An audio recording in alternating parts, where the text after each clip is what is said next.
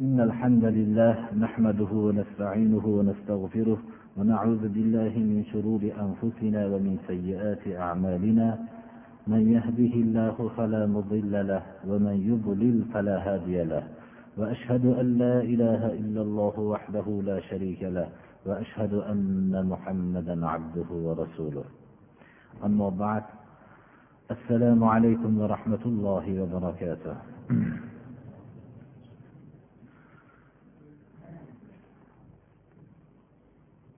Avvalgi juma kunidagi qur'oni karimdan bo'lgan darsimizda surai moidadan boshlagan bo'ldik. Darsimizning oxirgi oyatini qisqacha mazmuni shundan iborat ediki alloh subhanahu va taolo islomning qanchalik bir adolatini bayon qilib hatto dushmanlarga nisbatan ham dushmanlar ahli islomlarni rasululloh sollallohu alayhi vasallam va u kishiga ergashgan sahoba ikromlarni rabbimiz olloh deganligi uchun makkai mukarramadan chiqarib tashlashgan edi. Ularni qatl qilgan edi ba'zilarini. Rabbim olloh deganligi uchun va moli mulklarini talon taroj qilgan edi. Hamma ozorlarni bergan edi. Bular alloh subhanahu va taoloning buyrug'iga sabr qilishgan edi va ollohning buyrug'i bilan madina munavvaraga hijrat qilishgan edi. Alloh subhanahu va taolo islom dinini boshqalariga qul qilishlik uchun bergan emas birodarlar. Islomni olloh oliy qilishlik uchun jo'natgan. Islomni yuborgan zot koinotni yaratgan. Islomni yuborgan zot bashariyatni yaratgandan tortib to janobi rasululloh sollallohu alayhi vasallamgacha payg'ambarlarni jo'natgan. Ana endi madina munavvarada islom g'olib bo'lgandan keyin madina munavvaradan rasululloh sollallohu alayhi vasallam makki mukarramaga baytullohni ya haj qilishlik uchun kelayotgan vaqtlarida mushriklar ularni baytullohga osoyishta xotirjam kirib haj ibodatini bajarishlik uchun yo'llarini to'sishdilar. Alloh subhanahu va taolo o'zining irodasi bilan rasulini baytullohga kirmasdan hudaybiyada shu yerdan umralar shu yerda ibodatlarini tamomlab shu yerda qurbonliklarni so'yib qaytishlikka buyurdi. Bu hukmni rasululloh sollallohu alayhi vasallamning buyruqlariga fidoyi bo'lib turgan zotlar ham sabr qilisholmadilar hatto umar ibn hattob roziyallohu anhu abu bakr roziyallohu anhuni oldiga kelib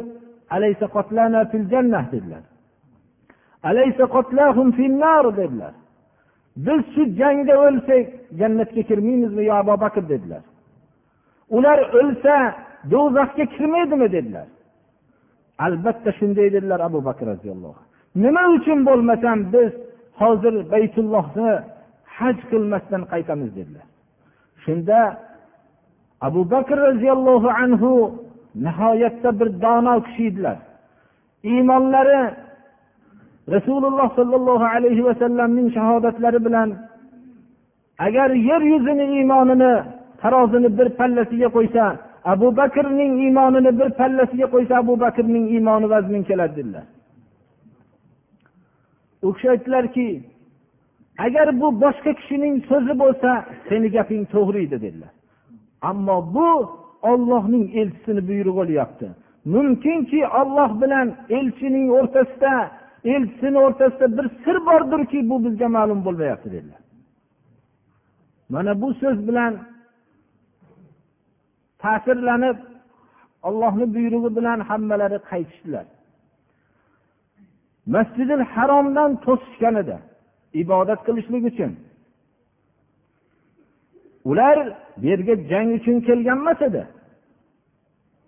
Islomga qarshi bo'lgan dushmanlar doim islomning sha'niga tuhmatlar qilib ular jang uchun keldi deb tuhmat qilishgan edi. Qiyomatgacha islomning dushmani shunday bo'ladi birodarlar. Islom biror bir kishining o'zini aqidasiga majburlik yo'li bilan olib kirmaydi. Islom aqidasida majburlik yo'q. Lekin har bir musulmon islomiy hayotni orzu qilmoqligi kerak. Uni odamlarga kuch bilan kirgizmasligi kerak. Islom birovga islom aqidasini kuch bilan kirishlikni xohlamaydi balki uni erkin holatda tushuntiradi. Islom majbur qilinishlikka hojati yo'qdir. Chunki olloh tarafidan kelgan aqida har bir insonning qalbiga bu ta'sir qiladi. Masjidil haromdan sizlarni to'sgan edi dushmanlar. Bu to'sganligiga bo'lgan adovat qattiq g'amgin xafaliginglar ularga tajovuz qilishlikka sabab bo'lib qolmasin deb alloh subhanahu va taolo musulmon ummatini tarbiya qildi. Hatto masjidil haromdan to'sgan vaqtida ham shuni qalbinglarda bir yara hosil bo'lgan. Shu sabab bilan sizlar tajovuz qilishlikka bu ish sabab bo'lib qolmasin dedilar. Yaxshilik va taqvo ishlarida o'rtoqlashinglar.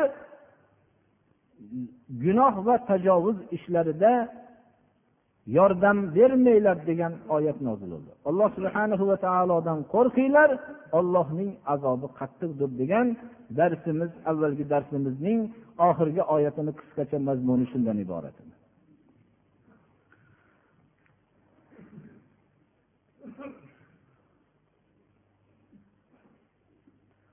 Ollohdan qo'rqish jamiyatlar o'rtasidagi tajovuzkorlikdangina saqlanishlikgina emas balki musulmon kishi ollohdan qo'rqishligi ollohning azobi qattiq ekanligini o'zining shaxsiy hayotida ham shakllamoqligi kerak. Hatto o'zining yeydigan taomlarini ham ollohning buyrug'iga muvofiq qilishlikka harakat qilmoqligi kerak. Shaxsiy hayotidagi yemoq ichmoq bo'ladigan narsalarning qaysilari halol qaysilari harom ekanligini mo'min musulmon kishi bilmoqligi kerak. Alloh subhana va taolo qaysi narsani harom qilgan bo'lsa u habis iflos narsa bo'lganligi uchun harom qildi. Qaysi bir narsani halol qilgan bo'lsa u toyibot nihoyat darajada pokiza bo'lganligi buni o'zi yaratgan inson o'zi mukarram qilgan insonga loyiq bo'lgan narsa o'zining ruhidan kirgizgan bo'lgan insonga loyiq bo'lgan narsa pokiza bo'lmoqligi kerak deb pokiza narsalarni halol qildi. Habis iflos narsalarni harom qildi. O'zining hikmati bilan yaratdida insonni bu narsa harom va bu narsa halol deb imtihon dunyosiga yaratdi. Ba'zi vaqtda savol bo'lishi mumkinki bu harom narsalar lekin mo'mini komildan bu savol bo'lmaydi. Shayton qalbiga shu narsalarni solishligi mumkinki bu harom narsalar nima uchun yaratilgan ekan deb. Mo'mini komil rab taologa nisbatan bunday beadabona savolni qilmaydi. Lekin yangi islomga kirayotgan kishilar bu narsada bir shubha paydo bo'lishligi mumkin. Bunga javob shuki bu dunyo imtihon dunyosi. Bir narsani qil bir narsani qilma deb qilma degan narsani aytishlik uchun u qilmaydigan narsa bo'lgandagina qilma degan hukmning ma'nosi bo'ladi. Bir narsaning o'zi asli bo'lmasayu buni yemagin desa u imtihon bo'lmaydi birodarlar. O'zi u yo'q hamdir. Shuning uchun alloh subhana va taolo allohu alam ba'zi bir narsalarni yaratdiki ularning nopok ekanligini bayon qildida va yemaslikka buyurdi imtihon shundagina vujudga keladi bo'lmasam imtihon degan narsaning ma'nosi bo'lmaydi استعيذ بالله حرمت عليكم الميتة والدم ولحم الخنزير وما أهل لغير الله به والمنخنقة والموقوذة والمتردية والنطيحة وما أكل السبع إلا ما ذكيتم وما ذبح على النصب وأن تستقسموا بالأزلام. ذلكم فسق.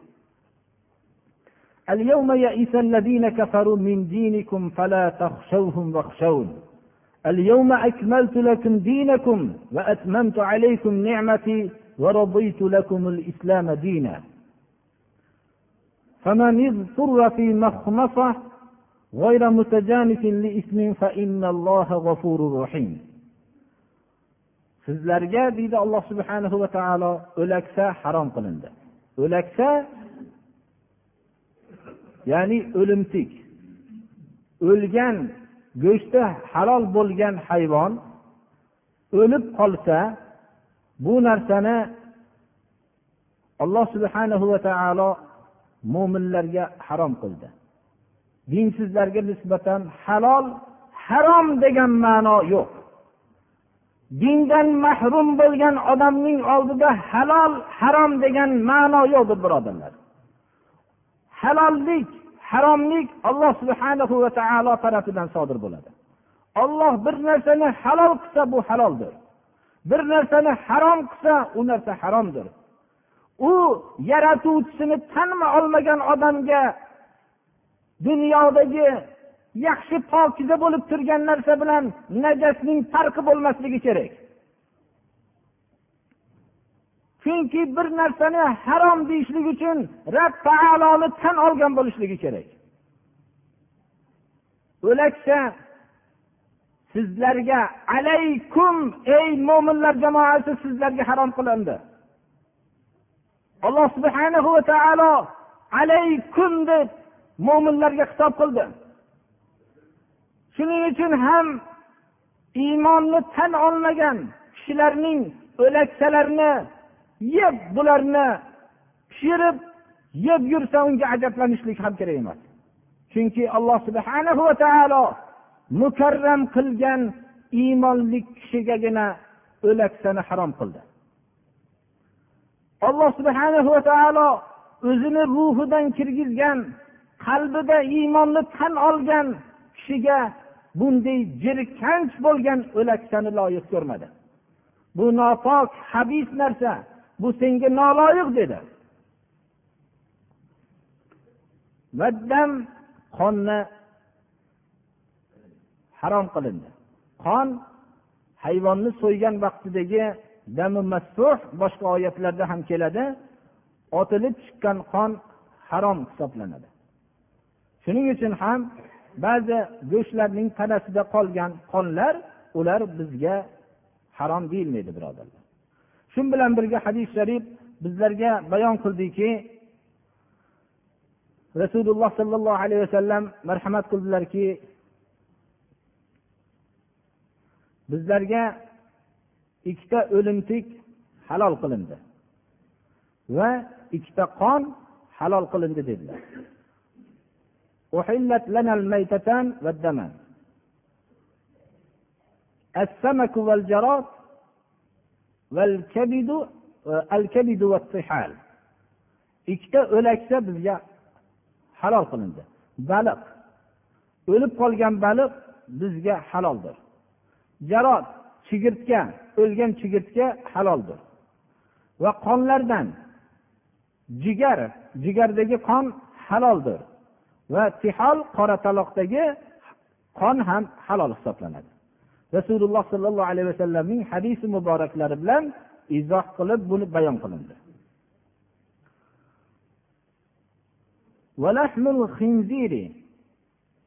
To'ng'iz go'shti va yog'i halol qilindi harom qilindi. Ya'ni astag'firulloh to'ng'izning lahm kalimasi go'sht va yoqqa iste'mol qilinadi. Arab tilida to'ng'iz ya'ni cho'chqa go'shti va yog'i harom hisoblanadi. Bu narsa shariati islomiyada alaykum sizlarga ey mo'minlar jamoasi deyapti. Yana takror aytamanki iymonni tan olmagan islomdan voz kechgan kishining harom narsani yeyotganligiga ajablanmoqlik kerak emas birodarlar. Unga nisbatan u halol va harom degan narsa alloh subhana va taoloning o'zini tarafidangina keladi.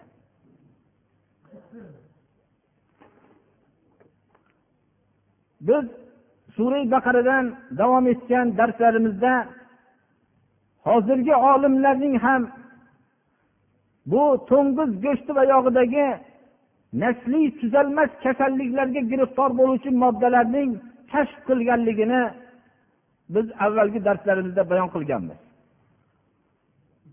Va shu bilan birga er kishidagi g'ayurlik tabiatlarini yo'qotadigan zarar kunanda moddalar borligini ham bayon qilgan edik. Shuning uchun ham to'ng'iz go'shti va yog'ini iste'mol qilgan kishilar o'zlarining oilalariga va qizlariga va ayol qarindoshlariga nisbatan g'ayrati kelmaydigan tabiat paydo bo'ladi.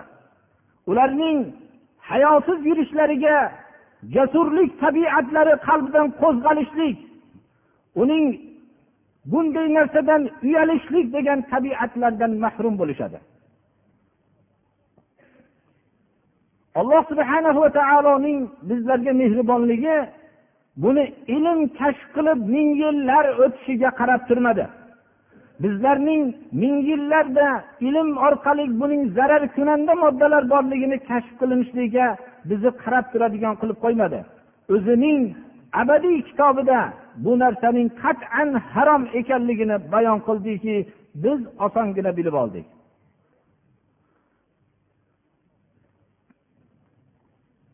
Rasululloh sollallohu alayhi vasallamdan sahih hadis rivoyat qilinganki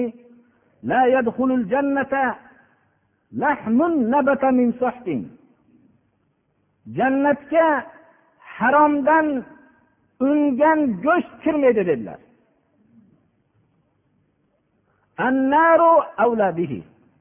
O't bu haromdan ungan go'shtga loyiqroq dedilar.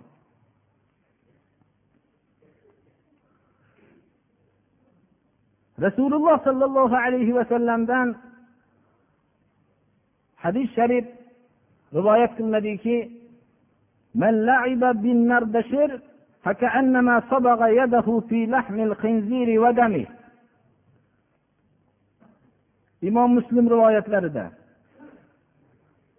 qimor o'yinlaridan bittasi narda o'yini bu narda o'yinini o'ynagan odam go'yoki qo'lini dedilar rasululloh sollallohu alayhi vasallam to'ng'iz go'shti va qoniga tekkizibdi dedilar Ya'ni mo'min kishi harom narsani bilgandan keyin uning narda o'ynashlikdan qaytarishlikka rasululloh sollallohu alayhi vasallam go'yoki narda bilan qimor o'yinini o'ynagan odam qo'lini to'ng'iz go'shti va qoniga tiqibdi dedilar. Endi shu gap bilan mo'min odam o'zi qaytadi. To'ng'iz go'shti va yog'idan shu vaqtda qaytadiki uni qo'lini tekkizgandan mo'min odam qo'rqadi shundan. Ammo uni og'ziga solib chaynasa ahvoli qanday bo'ladi?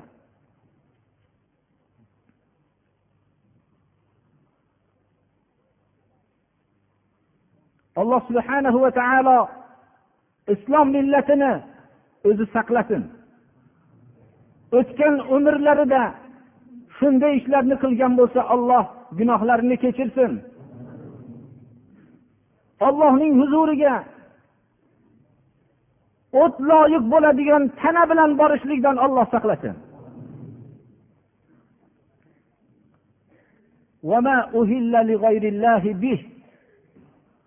Ollohdan boshqaga ovoz qilinib so'yilingan narsa harom qilindi. Ollohning nomidan boshqa nomni xoh butmi xoh bir qabrmi xoh biror kishining nomiga so'ydimi? Bu narsalar hammasi go'shtini yeyishlik harom bo'ladigan taomdir. Ollohdan boshqani so'yish vaqtida nomini atab so'yilgan hayvonning go'shti yeyishlik mumkin emasdir. To'ng'iz go'shtining qatorida zikr qilinyapti.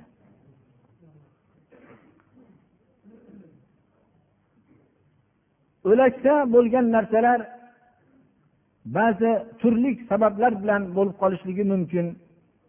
Shuning uchun birinchi o'laksa zikr qilinganda keyingi oyatda o'lish suratlarining turli bo'lishlik holatini ham bayon qilib birinchi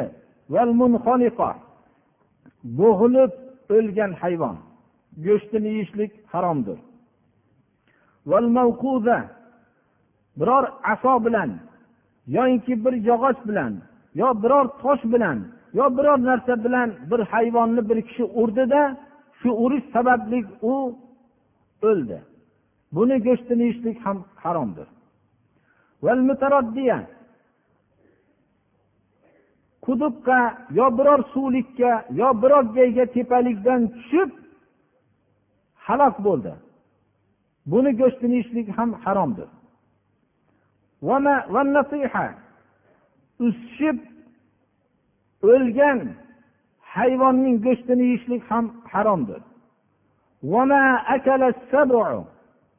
darranda hayvon yegan darrandaligi bilan yirtqichligi bilan halok qilgan hayvonning go'shtini yeyishlik ham haromdir. yuqoridagi maytadan alohida zikr qilinishligi bir tarafdan o'lish suratlarning har xil bosqichini o'z ichiga olsa ikkinchi tarafdan bu bo'g'ilib o'layotgan hayvon yoyinki biror bir kaltak yo yog'och yo tosh bilan urilganda o'layotgan hayvon yo bir tepalikdan quduqqa yo bir suvlikka tushib ketib o'layotgan hayvon va o'sishlik natijasida o'layotgan hayvon biror bir darranda o'ziga o'lja qilishlik uchun uni hujum qilgan vaqtda o'layotgan hayvon biror insonga mo'min kishiga shu holat to'g'ri kelib qolishligi ham mumkin. Shuning uchun yuqoridagi o'laksadan alohida zikr qilinayotgan bo'lsa kerak allohu alam. Shu vaqtda mo'min kishi borib tazkiya bismillah allohu akbar deb bismilloh kalimasini aytib ulgib shuni so'yishlikka ulgib qolsa bu keyinda zikr qilingan beshta toifa hayvon halol bo'lib qoladi. Masalan bo'g'ilayotgan bo'g'ilib o'layotgan hayvonni jon chiqishligidan ilgari uni so'yishlikka ulgib qolsa bismillah allohu akbar deb bu hayvonning go'shti halol bo'ladi. O'lishligidan ilgari. Shuning uchun oyat kalimadan alohida bular zikr qilinib o'tyapti.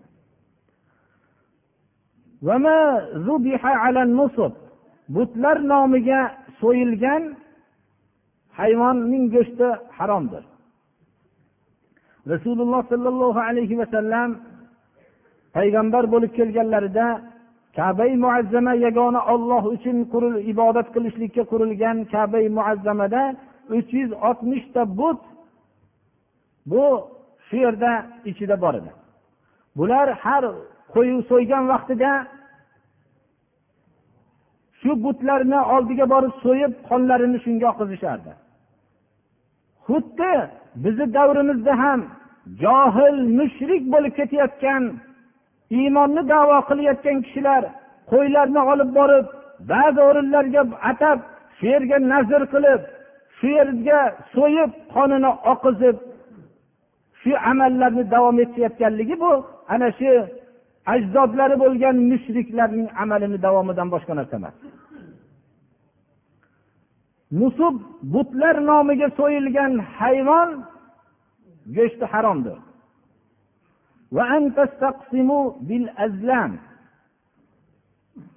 Azlom bu ba'zi rivoyatlarda uchta kaltak kaltakcha bo'lib ba'zi rivoyatlarda yettita kaltakcha. Bular biror bir amalni qilishlikda shu kaltaklar bilan maslahat qilishardi. Bittasiga rabbim buyurdi deb yozardi. Ikkinchisiga rabbim qaytardi deb yozardi. Uchinchisiga billah rabbim bilmadi deb yozardi. Uni bir idishga solib aylantirib turib qo'lini solib bittasini olardi. Agar safarga ketmoqchi bo'lsa rabbim buyurdi desa shu safarga chiqib ketardi. Miskin odamlar o'zlarining hayotlarini degin maslahatni uchta bir o'zlari qo'llari bilan yasagan kaltashchaga bog'lab qo'yishgan edi. Kishilar edi ularning maslahatchilari. Hatto bunga koinoti yerni yaratgan zotni bilmadi degan so'zni ham yozishardi azlom mana shu kaltakchalardan iboratdir. Ba'zi vaqtlarda ba'zi rivoyatlarda yettita bo'lib ular bir tuya so'yishadigan bo'lsa shu tuyani yettiga bo'lishib qaysi ulushini ko'proq ozroq qilib yetti xil bo'lishardida qaysi odamni qaysi ulushni olishligiga shu yettita kaltakchani bir narsaga solib qo'lini solib olardida qaysi ulushni ko'rsatadigan kaltakcha chiqsa shu ulushni olib ketardi. Xullas ba'zi bir narsalarni adolatsiz bo'layotgan vaqtda takror aytamiz adolatsiz bo'layotgan vaqtda shunday narsalarni yozib turib ulushlarni ajratishlik bu azlom bilan qasam ichishlikdan boshqa narsa emas. Azlomlar bilan o'zlarining qismatlarini talab qilish ma'nosi ham bor. Qismat ulush o'zining ulushini azlomlar bilan talab qilish ya'ni safarga ketayotgan ulushini shu kaltakchalar bilan talab qilishlik yoyinki taqsim qilingan narsalarni adolatsiz taqsim qilingan narsalarni shu kaltakchalar bilan qismatini ulushini talab qilishlikdir. Ammo bir kishi masalan bir mol yo qo'yni so'yib olsayu so'yib olgan vaqtida o'n kishi bo'lishayotgan bo'lsa o'nga bo'lsayu imkoniyati boricha adolat bilan taqsim qilingan bo'lsayu shunda ulushlarni har bir kishi tanlab olishligi uchun bittadan olinglar deyilsa u narsalar bunga kirmaydi birodarlar. Unda hech qanday kaltash ham ishlatilmaydi va hamda xohlagan xohlaganini olsin degan adolat bilan taqsim qilinganu yana ham adolatni ravshan qilishlik uchun bo'lgan bu taqsimlar bu bundan hisob deb o'ylab qolinmasin yana. Bu ishinglar fisqdir. O'laksani yeyish. Qon yeyish. To'ng'iz go'shti yog'ini yeyishlik ollohni nomidan boshqa narsalarni yeyish bo'g'ilib o'lgan hayvonning go'shtini yeyish kaltak zarbasi bilan o'lgan hayvonni go'shtini yeyish va tepadan bir uloqtirilib yo tepadan tushib ketib halok bo'lgan hayvonning go'shtini yeyish va o'sishgan hayvon natijasida halok bo'lgan hayvonni go'shtini yeyish va yirtqich hujumidan o'lgan hayvonni go'shtini yeyishlik ya'ni o'lmasdan turib bismillah allohu akbar degan bilan so'yilmagan bo'lsa o'z o'lib qolgan hayvonlarning go'shtini yeyishlik bu va hamda butlar nomiga hayvonlarni so'yish va azlom bu kaltakchalar bilan qismat ulushlarini talab qilishlik bular hammasi bu ishinglar fisq gunohdir. fosiqliginglarga sababdir اليوم يئس الذين كفروا من دينكم alloh subhanahu va taolo dinni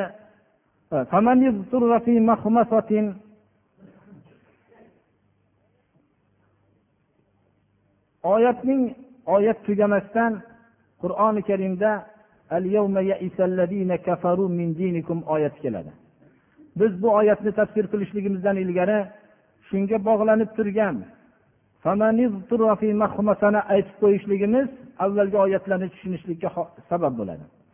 Kim ochlik sababli majburlangan bo'lsa inson bir joyga bordiki bir holat unga duchor bo'ldiki ochlik bilan majburlandi. Hech yeydigan narsa yo'q. Magar yuqorida zikr qilingan harom narsalar bor xolos. Shunday ochlik sababli majburlangan vaqtda gunohga moyil bo'lmagan holatda majburlangan ochlik sababli majburlanib qolgan bo'lsa alloh subhana va taolo yeyishlikka ruxsat berdi. Balki yeyishlikni vojib qildi. Hayotni saqlab qolishlik uchun shu harom narsani yeb hayotni saqlab qolishlikka buyurdi. Lekin yeyishlik turlari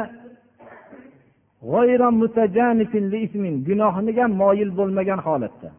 Buni tafsirida mufassirlar fuqarolar bir necha fikrlarni bildirishganlar. Birinchi gunohga moyil bo'lmaslik qanday? Va mahmasa qanchalik? Ochlik ya'ni hayotida halokatdan qo'rqadigan holatni mahmasa majbur ochlik sababli majburlanish deyiladi. Gunohni qasd qilmaslikni ma'nosi haqida hayotni saqlaydigan miqdorni yeydi o'lmagidek yeydi ba'zilar bo'lsa o'ziniga yetarlik miqdorda yeydi deydi. Bu yetarlilik o'zi bilan ollohning o'rtasidagi sirdir buni kalima bilan ifodalab bo'lmaydi.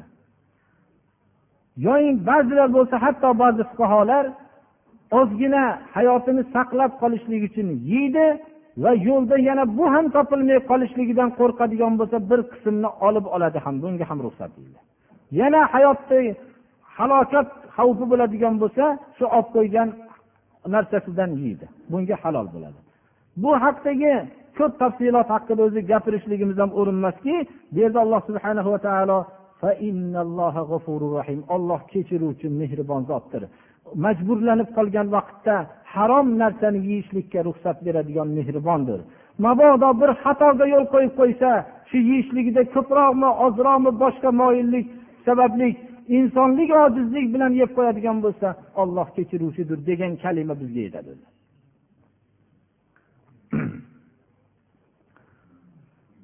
اليوم يئس الذين كفروا من دينكم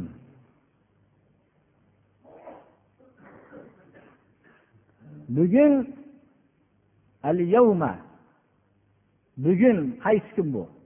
Hajjatul vado rasululloh sollallohu alayhi vasallam vidolashishlik uchun hajga kelgan yillari. Hajjatul vado arafot kuni. Shu kunda alloh subhanahu va taolo dinni komil qildi. Bugun kofirlar sizlarning dininglardan umidsiz bo'ldi. Endi bu dinni yo'qotib bo'lmas ekan deydi. Endi bular umidlar uzildi. Kofirlar dinni yo'qotishlikdan bir ming to'rt yuz yildan ilgari umidsiz bo'lishgan. Inshaalloh qiyomatgacha umidsiz bo'lib qolishadilar.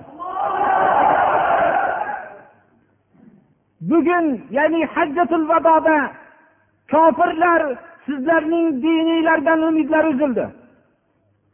Bir ming to'rt yuz yildan beri dinni yo'qotishlik uchun harakat qilayotgan harakatlar hammasi bekor ketdi. Inshaalloh qiyomatgacha bekor bo'lib qoladi.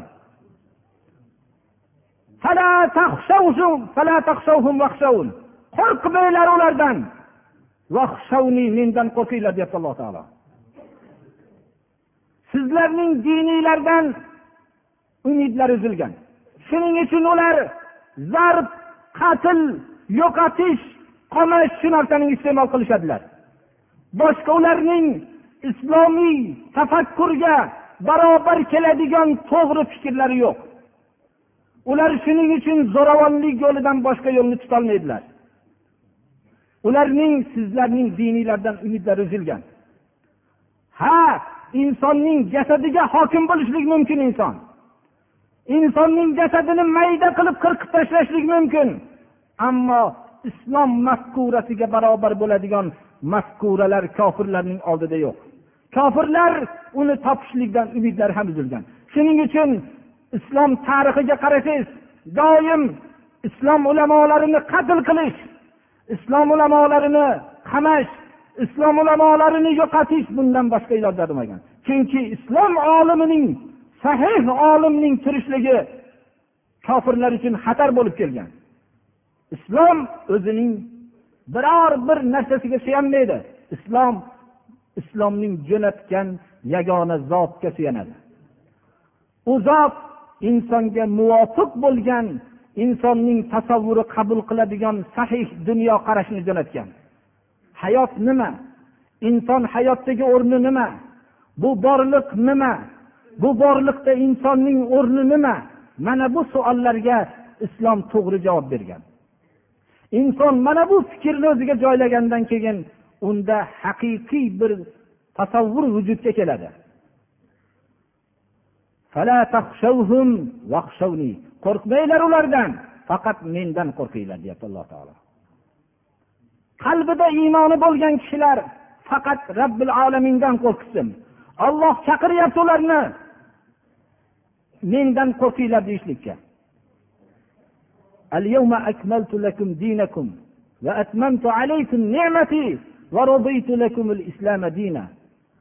Bugun ya'ni hajjatul vado kunida janobi rasululloh sollallohu alayhi vasallam xalqlarga dinni komil yetkazib vidolashishlik uchun hajga kelgan kunlarida bu kunda sizlarga deydi alloh subhana va taolo diniylarni komil qilib berdim. Va ne'matimni komil qildim. Sizlarga islomni din hayot yo'li bo'lishligini ixtiyor qildim deydi alloh taolo. Bu oyatni birodarlar bir tushunaylik. Bu oyat hajjatul vadoda nozil bo'ldi.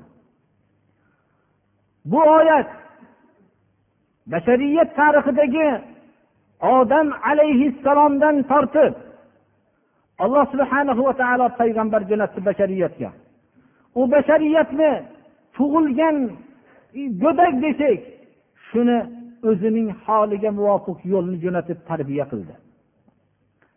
Bu go'dak bashariyat kamol topib bolalik va yigitlik yoshi kamolot yoshlarini bosib o'tgan sari alloh subhana va taolo murabbiy qilib o'zlarining jinsidan payg'ambarni jo'natdi.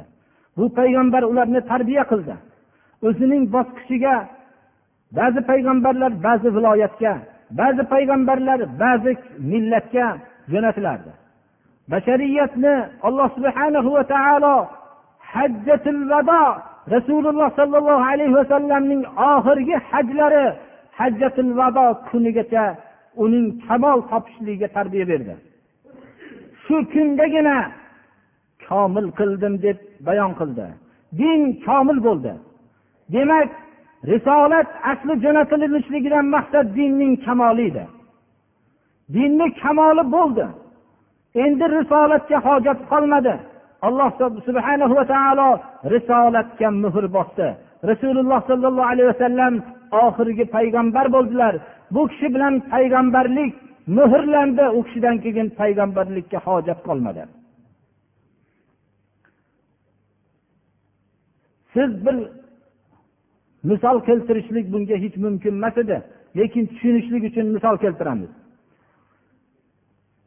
Sizning ajdodlaringiz bir katta imoratni sizga solayotgan bo'lsa bittalari poydevor urib ketgan bo'lsa ikkinchilari devorning bir qismini ursa uchinchilari ajdodma ajdod bu imorat qurilib borsa bu imorat tepalari yopilsa oxiri borib bu imoratni muhayyo qilib ichlarining hamma joyi bog'iroqlari mukammal bo'lishligi sizga nasib bo'lsa bugun endi bu imorat tamom bo'ldi.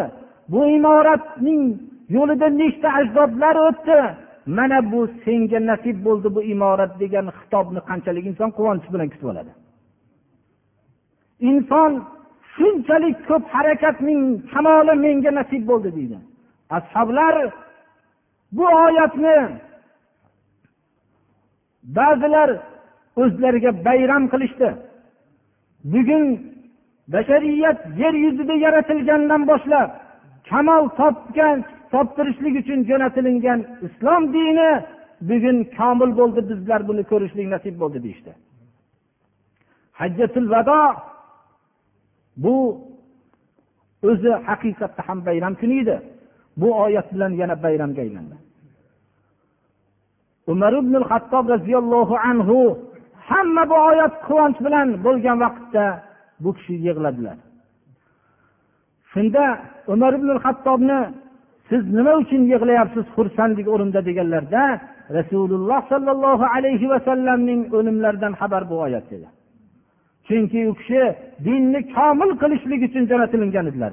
Endi u kishining vazifalari tamom bo'ldi din komil bo'ldi. Endi u kishining dunyodan ketish vaqtini xabar beryapti bu oyat dedilar. Din komil bo'lgan. Kim bunga bir narsa qo'shaman desa dindan olib tashlashligidan farqi yo'q. Dindan bir narsani olib tashlashlik bilan dinga bir narsani qo'shishlikni haqqi yo'q hech kimni ikkovini farqi yo'q. Qo'shgan ham gunohkor olib tashlagan odam ham gunohkordir. Alloh subhanahu va taolo komil qilgan narsani billah banda bundan bir narsani olib tashlayman deyishga jur'at qilishligidir bu.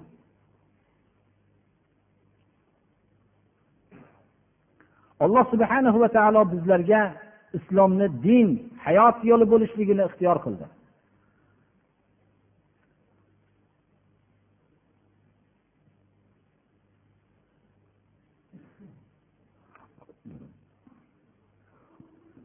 Shuning uchun ham vaki roziyallohu anhu aytgan ekanlarki فقد زعم أن محمدا خانت الرسالة kim bid'at paydo qilgan bo'lsa muhammad alayhissalom risolatga xiyonat qildi deb davo qilibdi shu odam degan ekanlar. Chunki risolatni shunisini yetkazmagan degan davoni qilgandan farqi yo'q degan ekanlar. Shuning uchun din komil bo'lgan. Dinning yo'qotishlikdan kofirlarning umidi uzilgan. Shuning uchun bular dinni shaffof tiniq holatini ko'rsatmaslikka harakat qilishadilar. Shuning uchun har xil bidoatlarni paydo qiladigan yollanma kishilardan qo'llanib islomning tiniq sof yo'l ekanligini ko'rsatmaslikka harakat qilishadi. Lekin dinni alloh subhanahu va taolo yo'qolishlikdan saqladi. Dinning asosi qur'oni karimni saqladi. Qur'oni karimni yondiradigan dushmanlar chiqishligiga qaramasdan uyidan qur'on chiqqan kishilarning qomat yo'qotib tashlaydigan zolimlar tarixda chiqqanligiga bo'lishiga qaramasdan alloh subhana va taolo qur'onni saqladi. Qur'onni qiyomatgacha saqlashligiga o'zi kafil bo'ldi.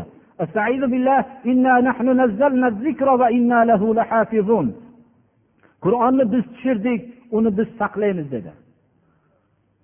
Dinning asosi rasululloh sollallohu alayhi vasallamning hadislari qur'oni karimning bayonidir bu hadislarni saqlashlikka eng katta ulamolarni alloh taolo o'zi yaratib shunday qildi shuni yaxshi bilaylikki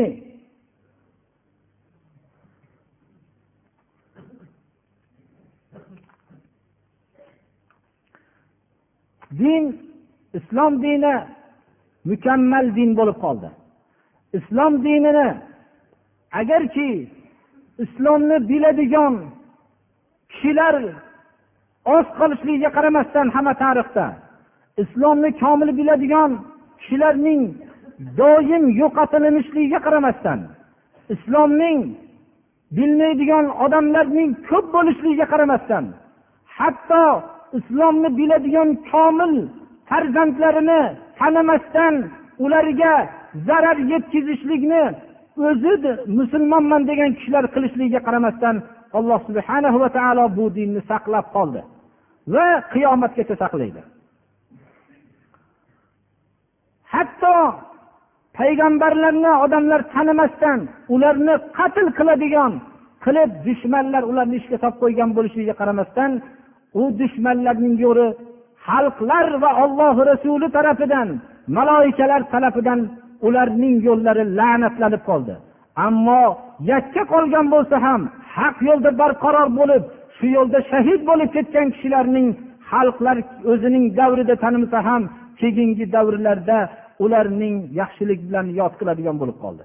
Alloh subhana va taolo dinning sof holatini amal qiladigan jamoa qiyomatgacha yo'q bo'lmaydi dedi.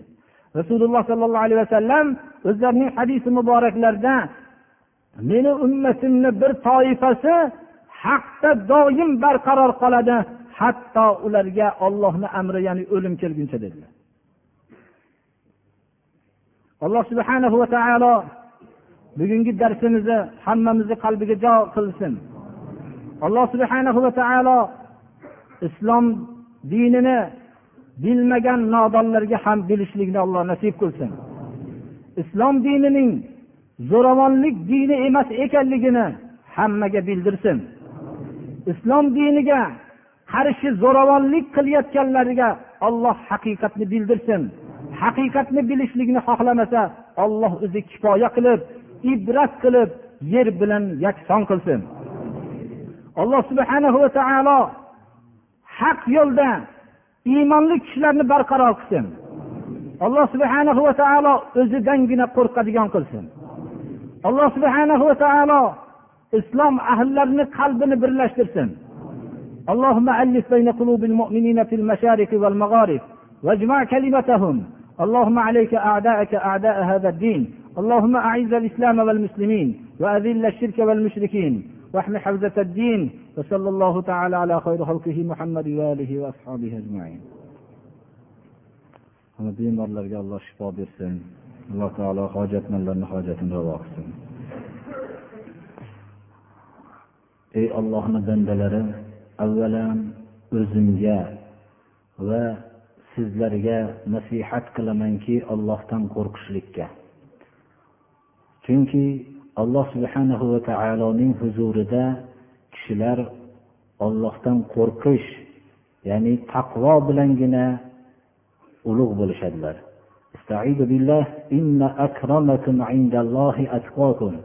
Sizlarning yer yuzida mukarramiylar har xil kishilar bo'lishligi mumkin. Hatto yer yuzida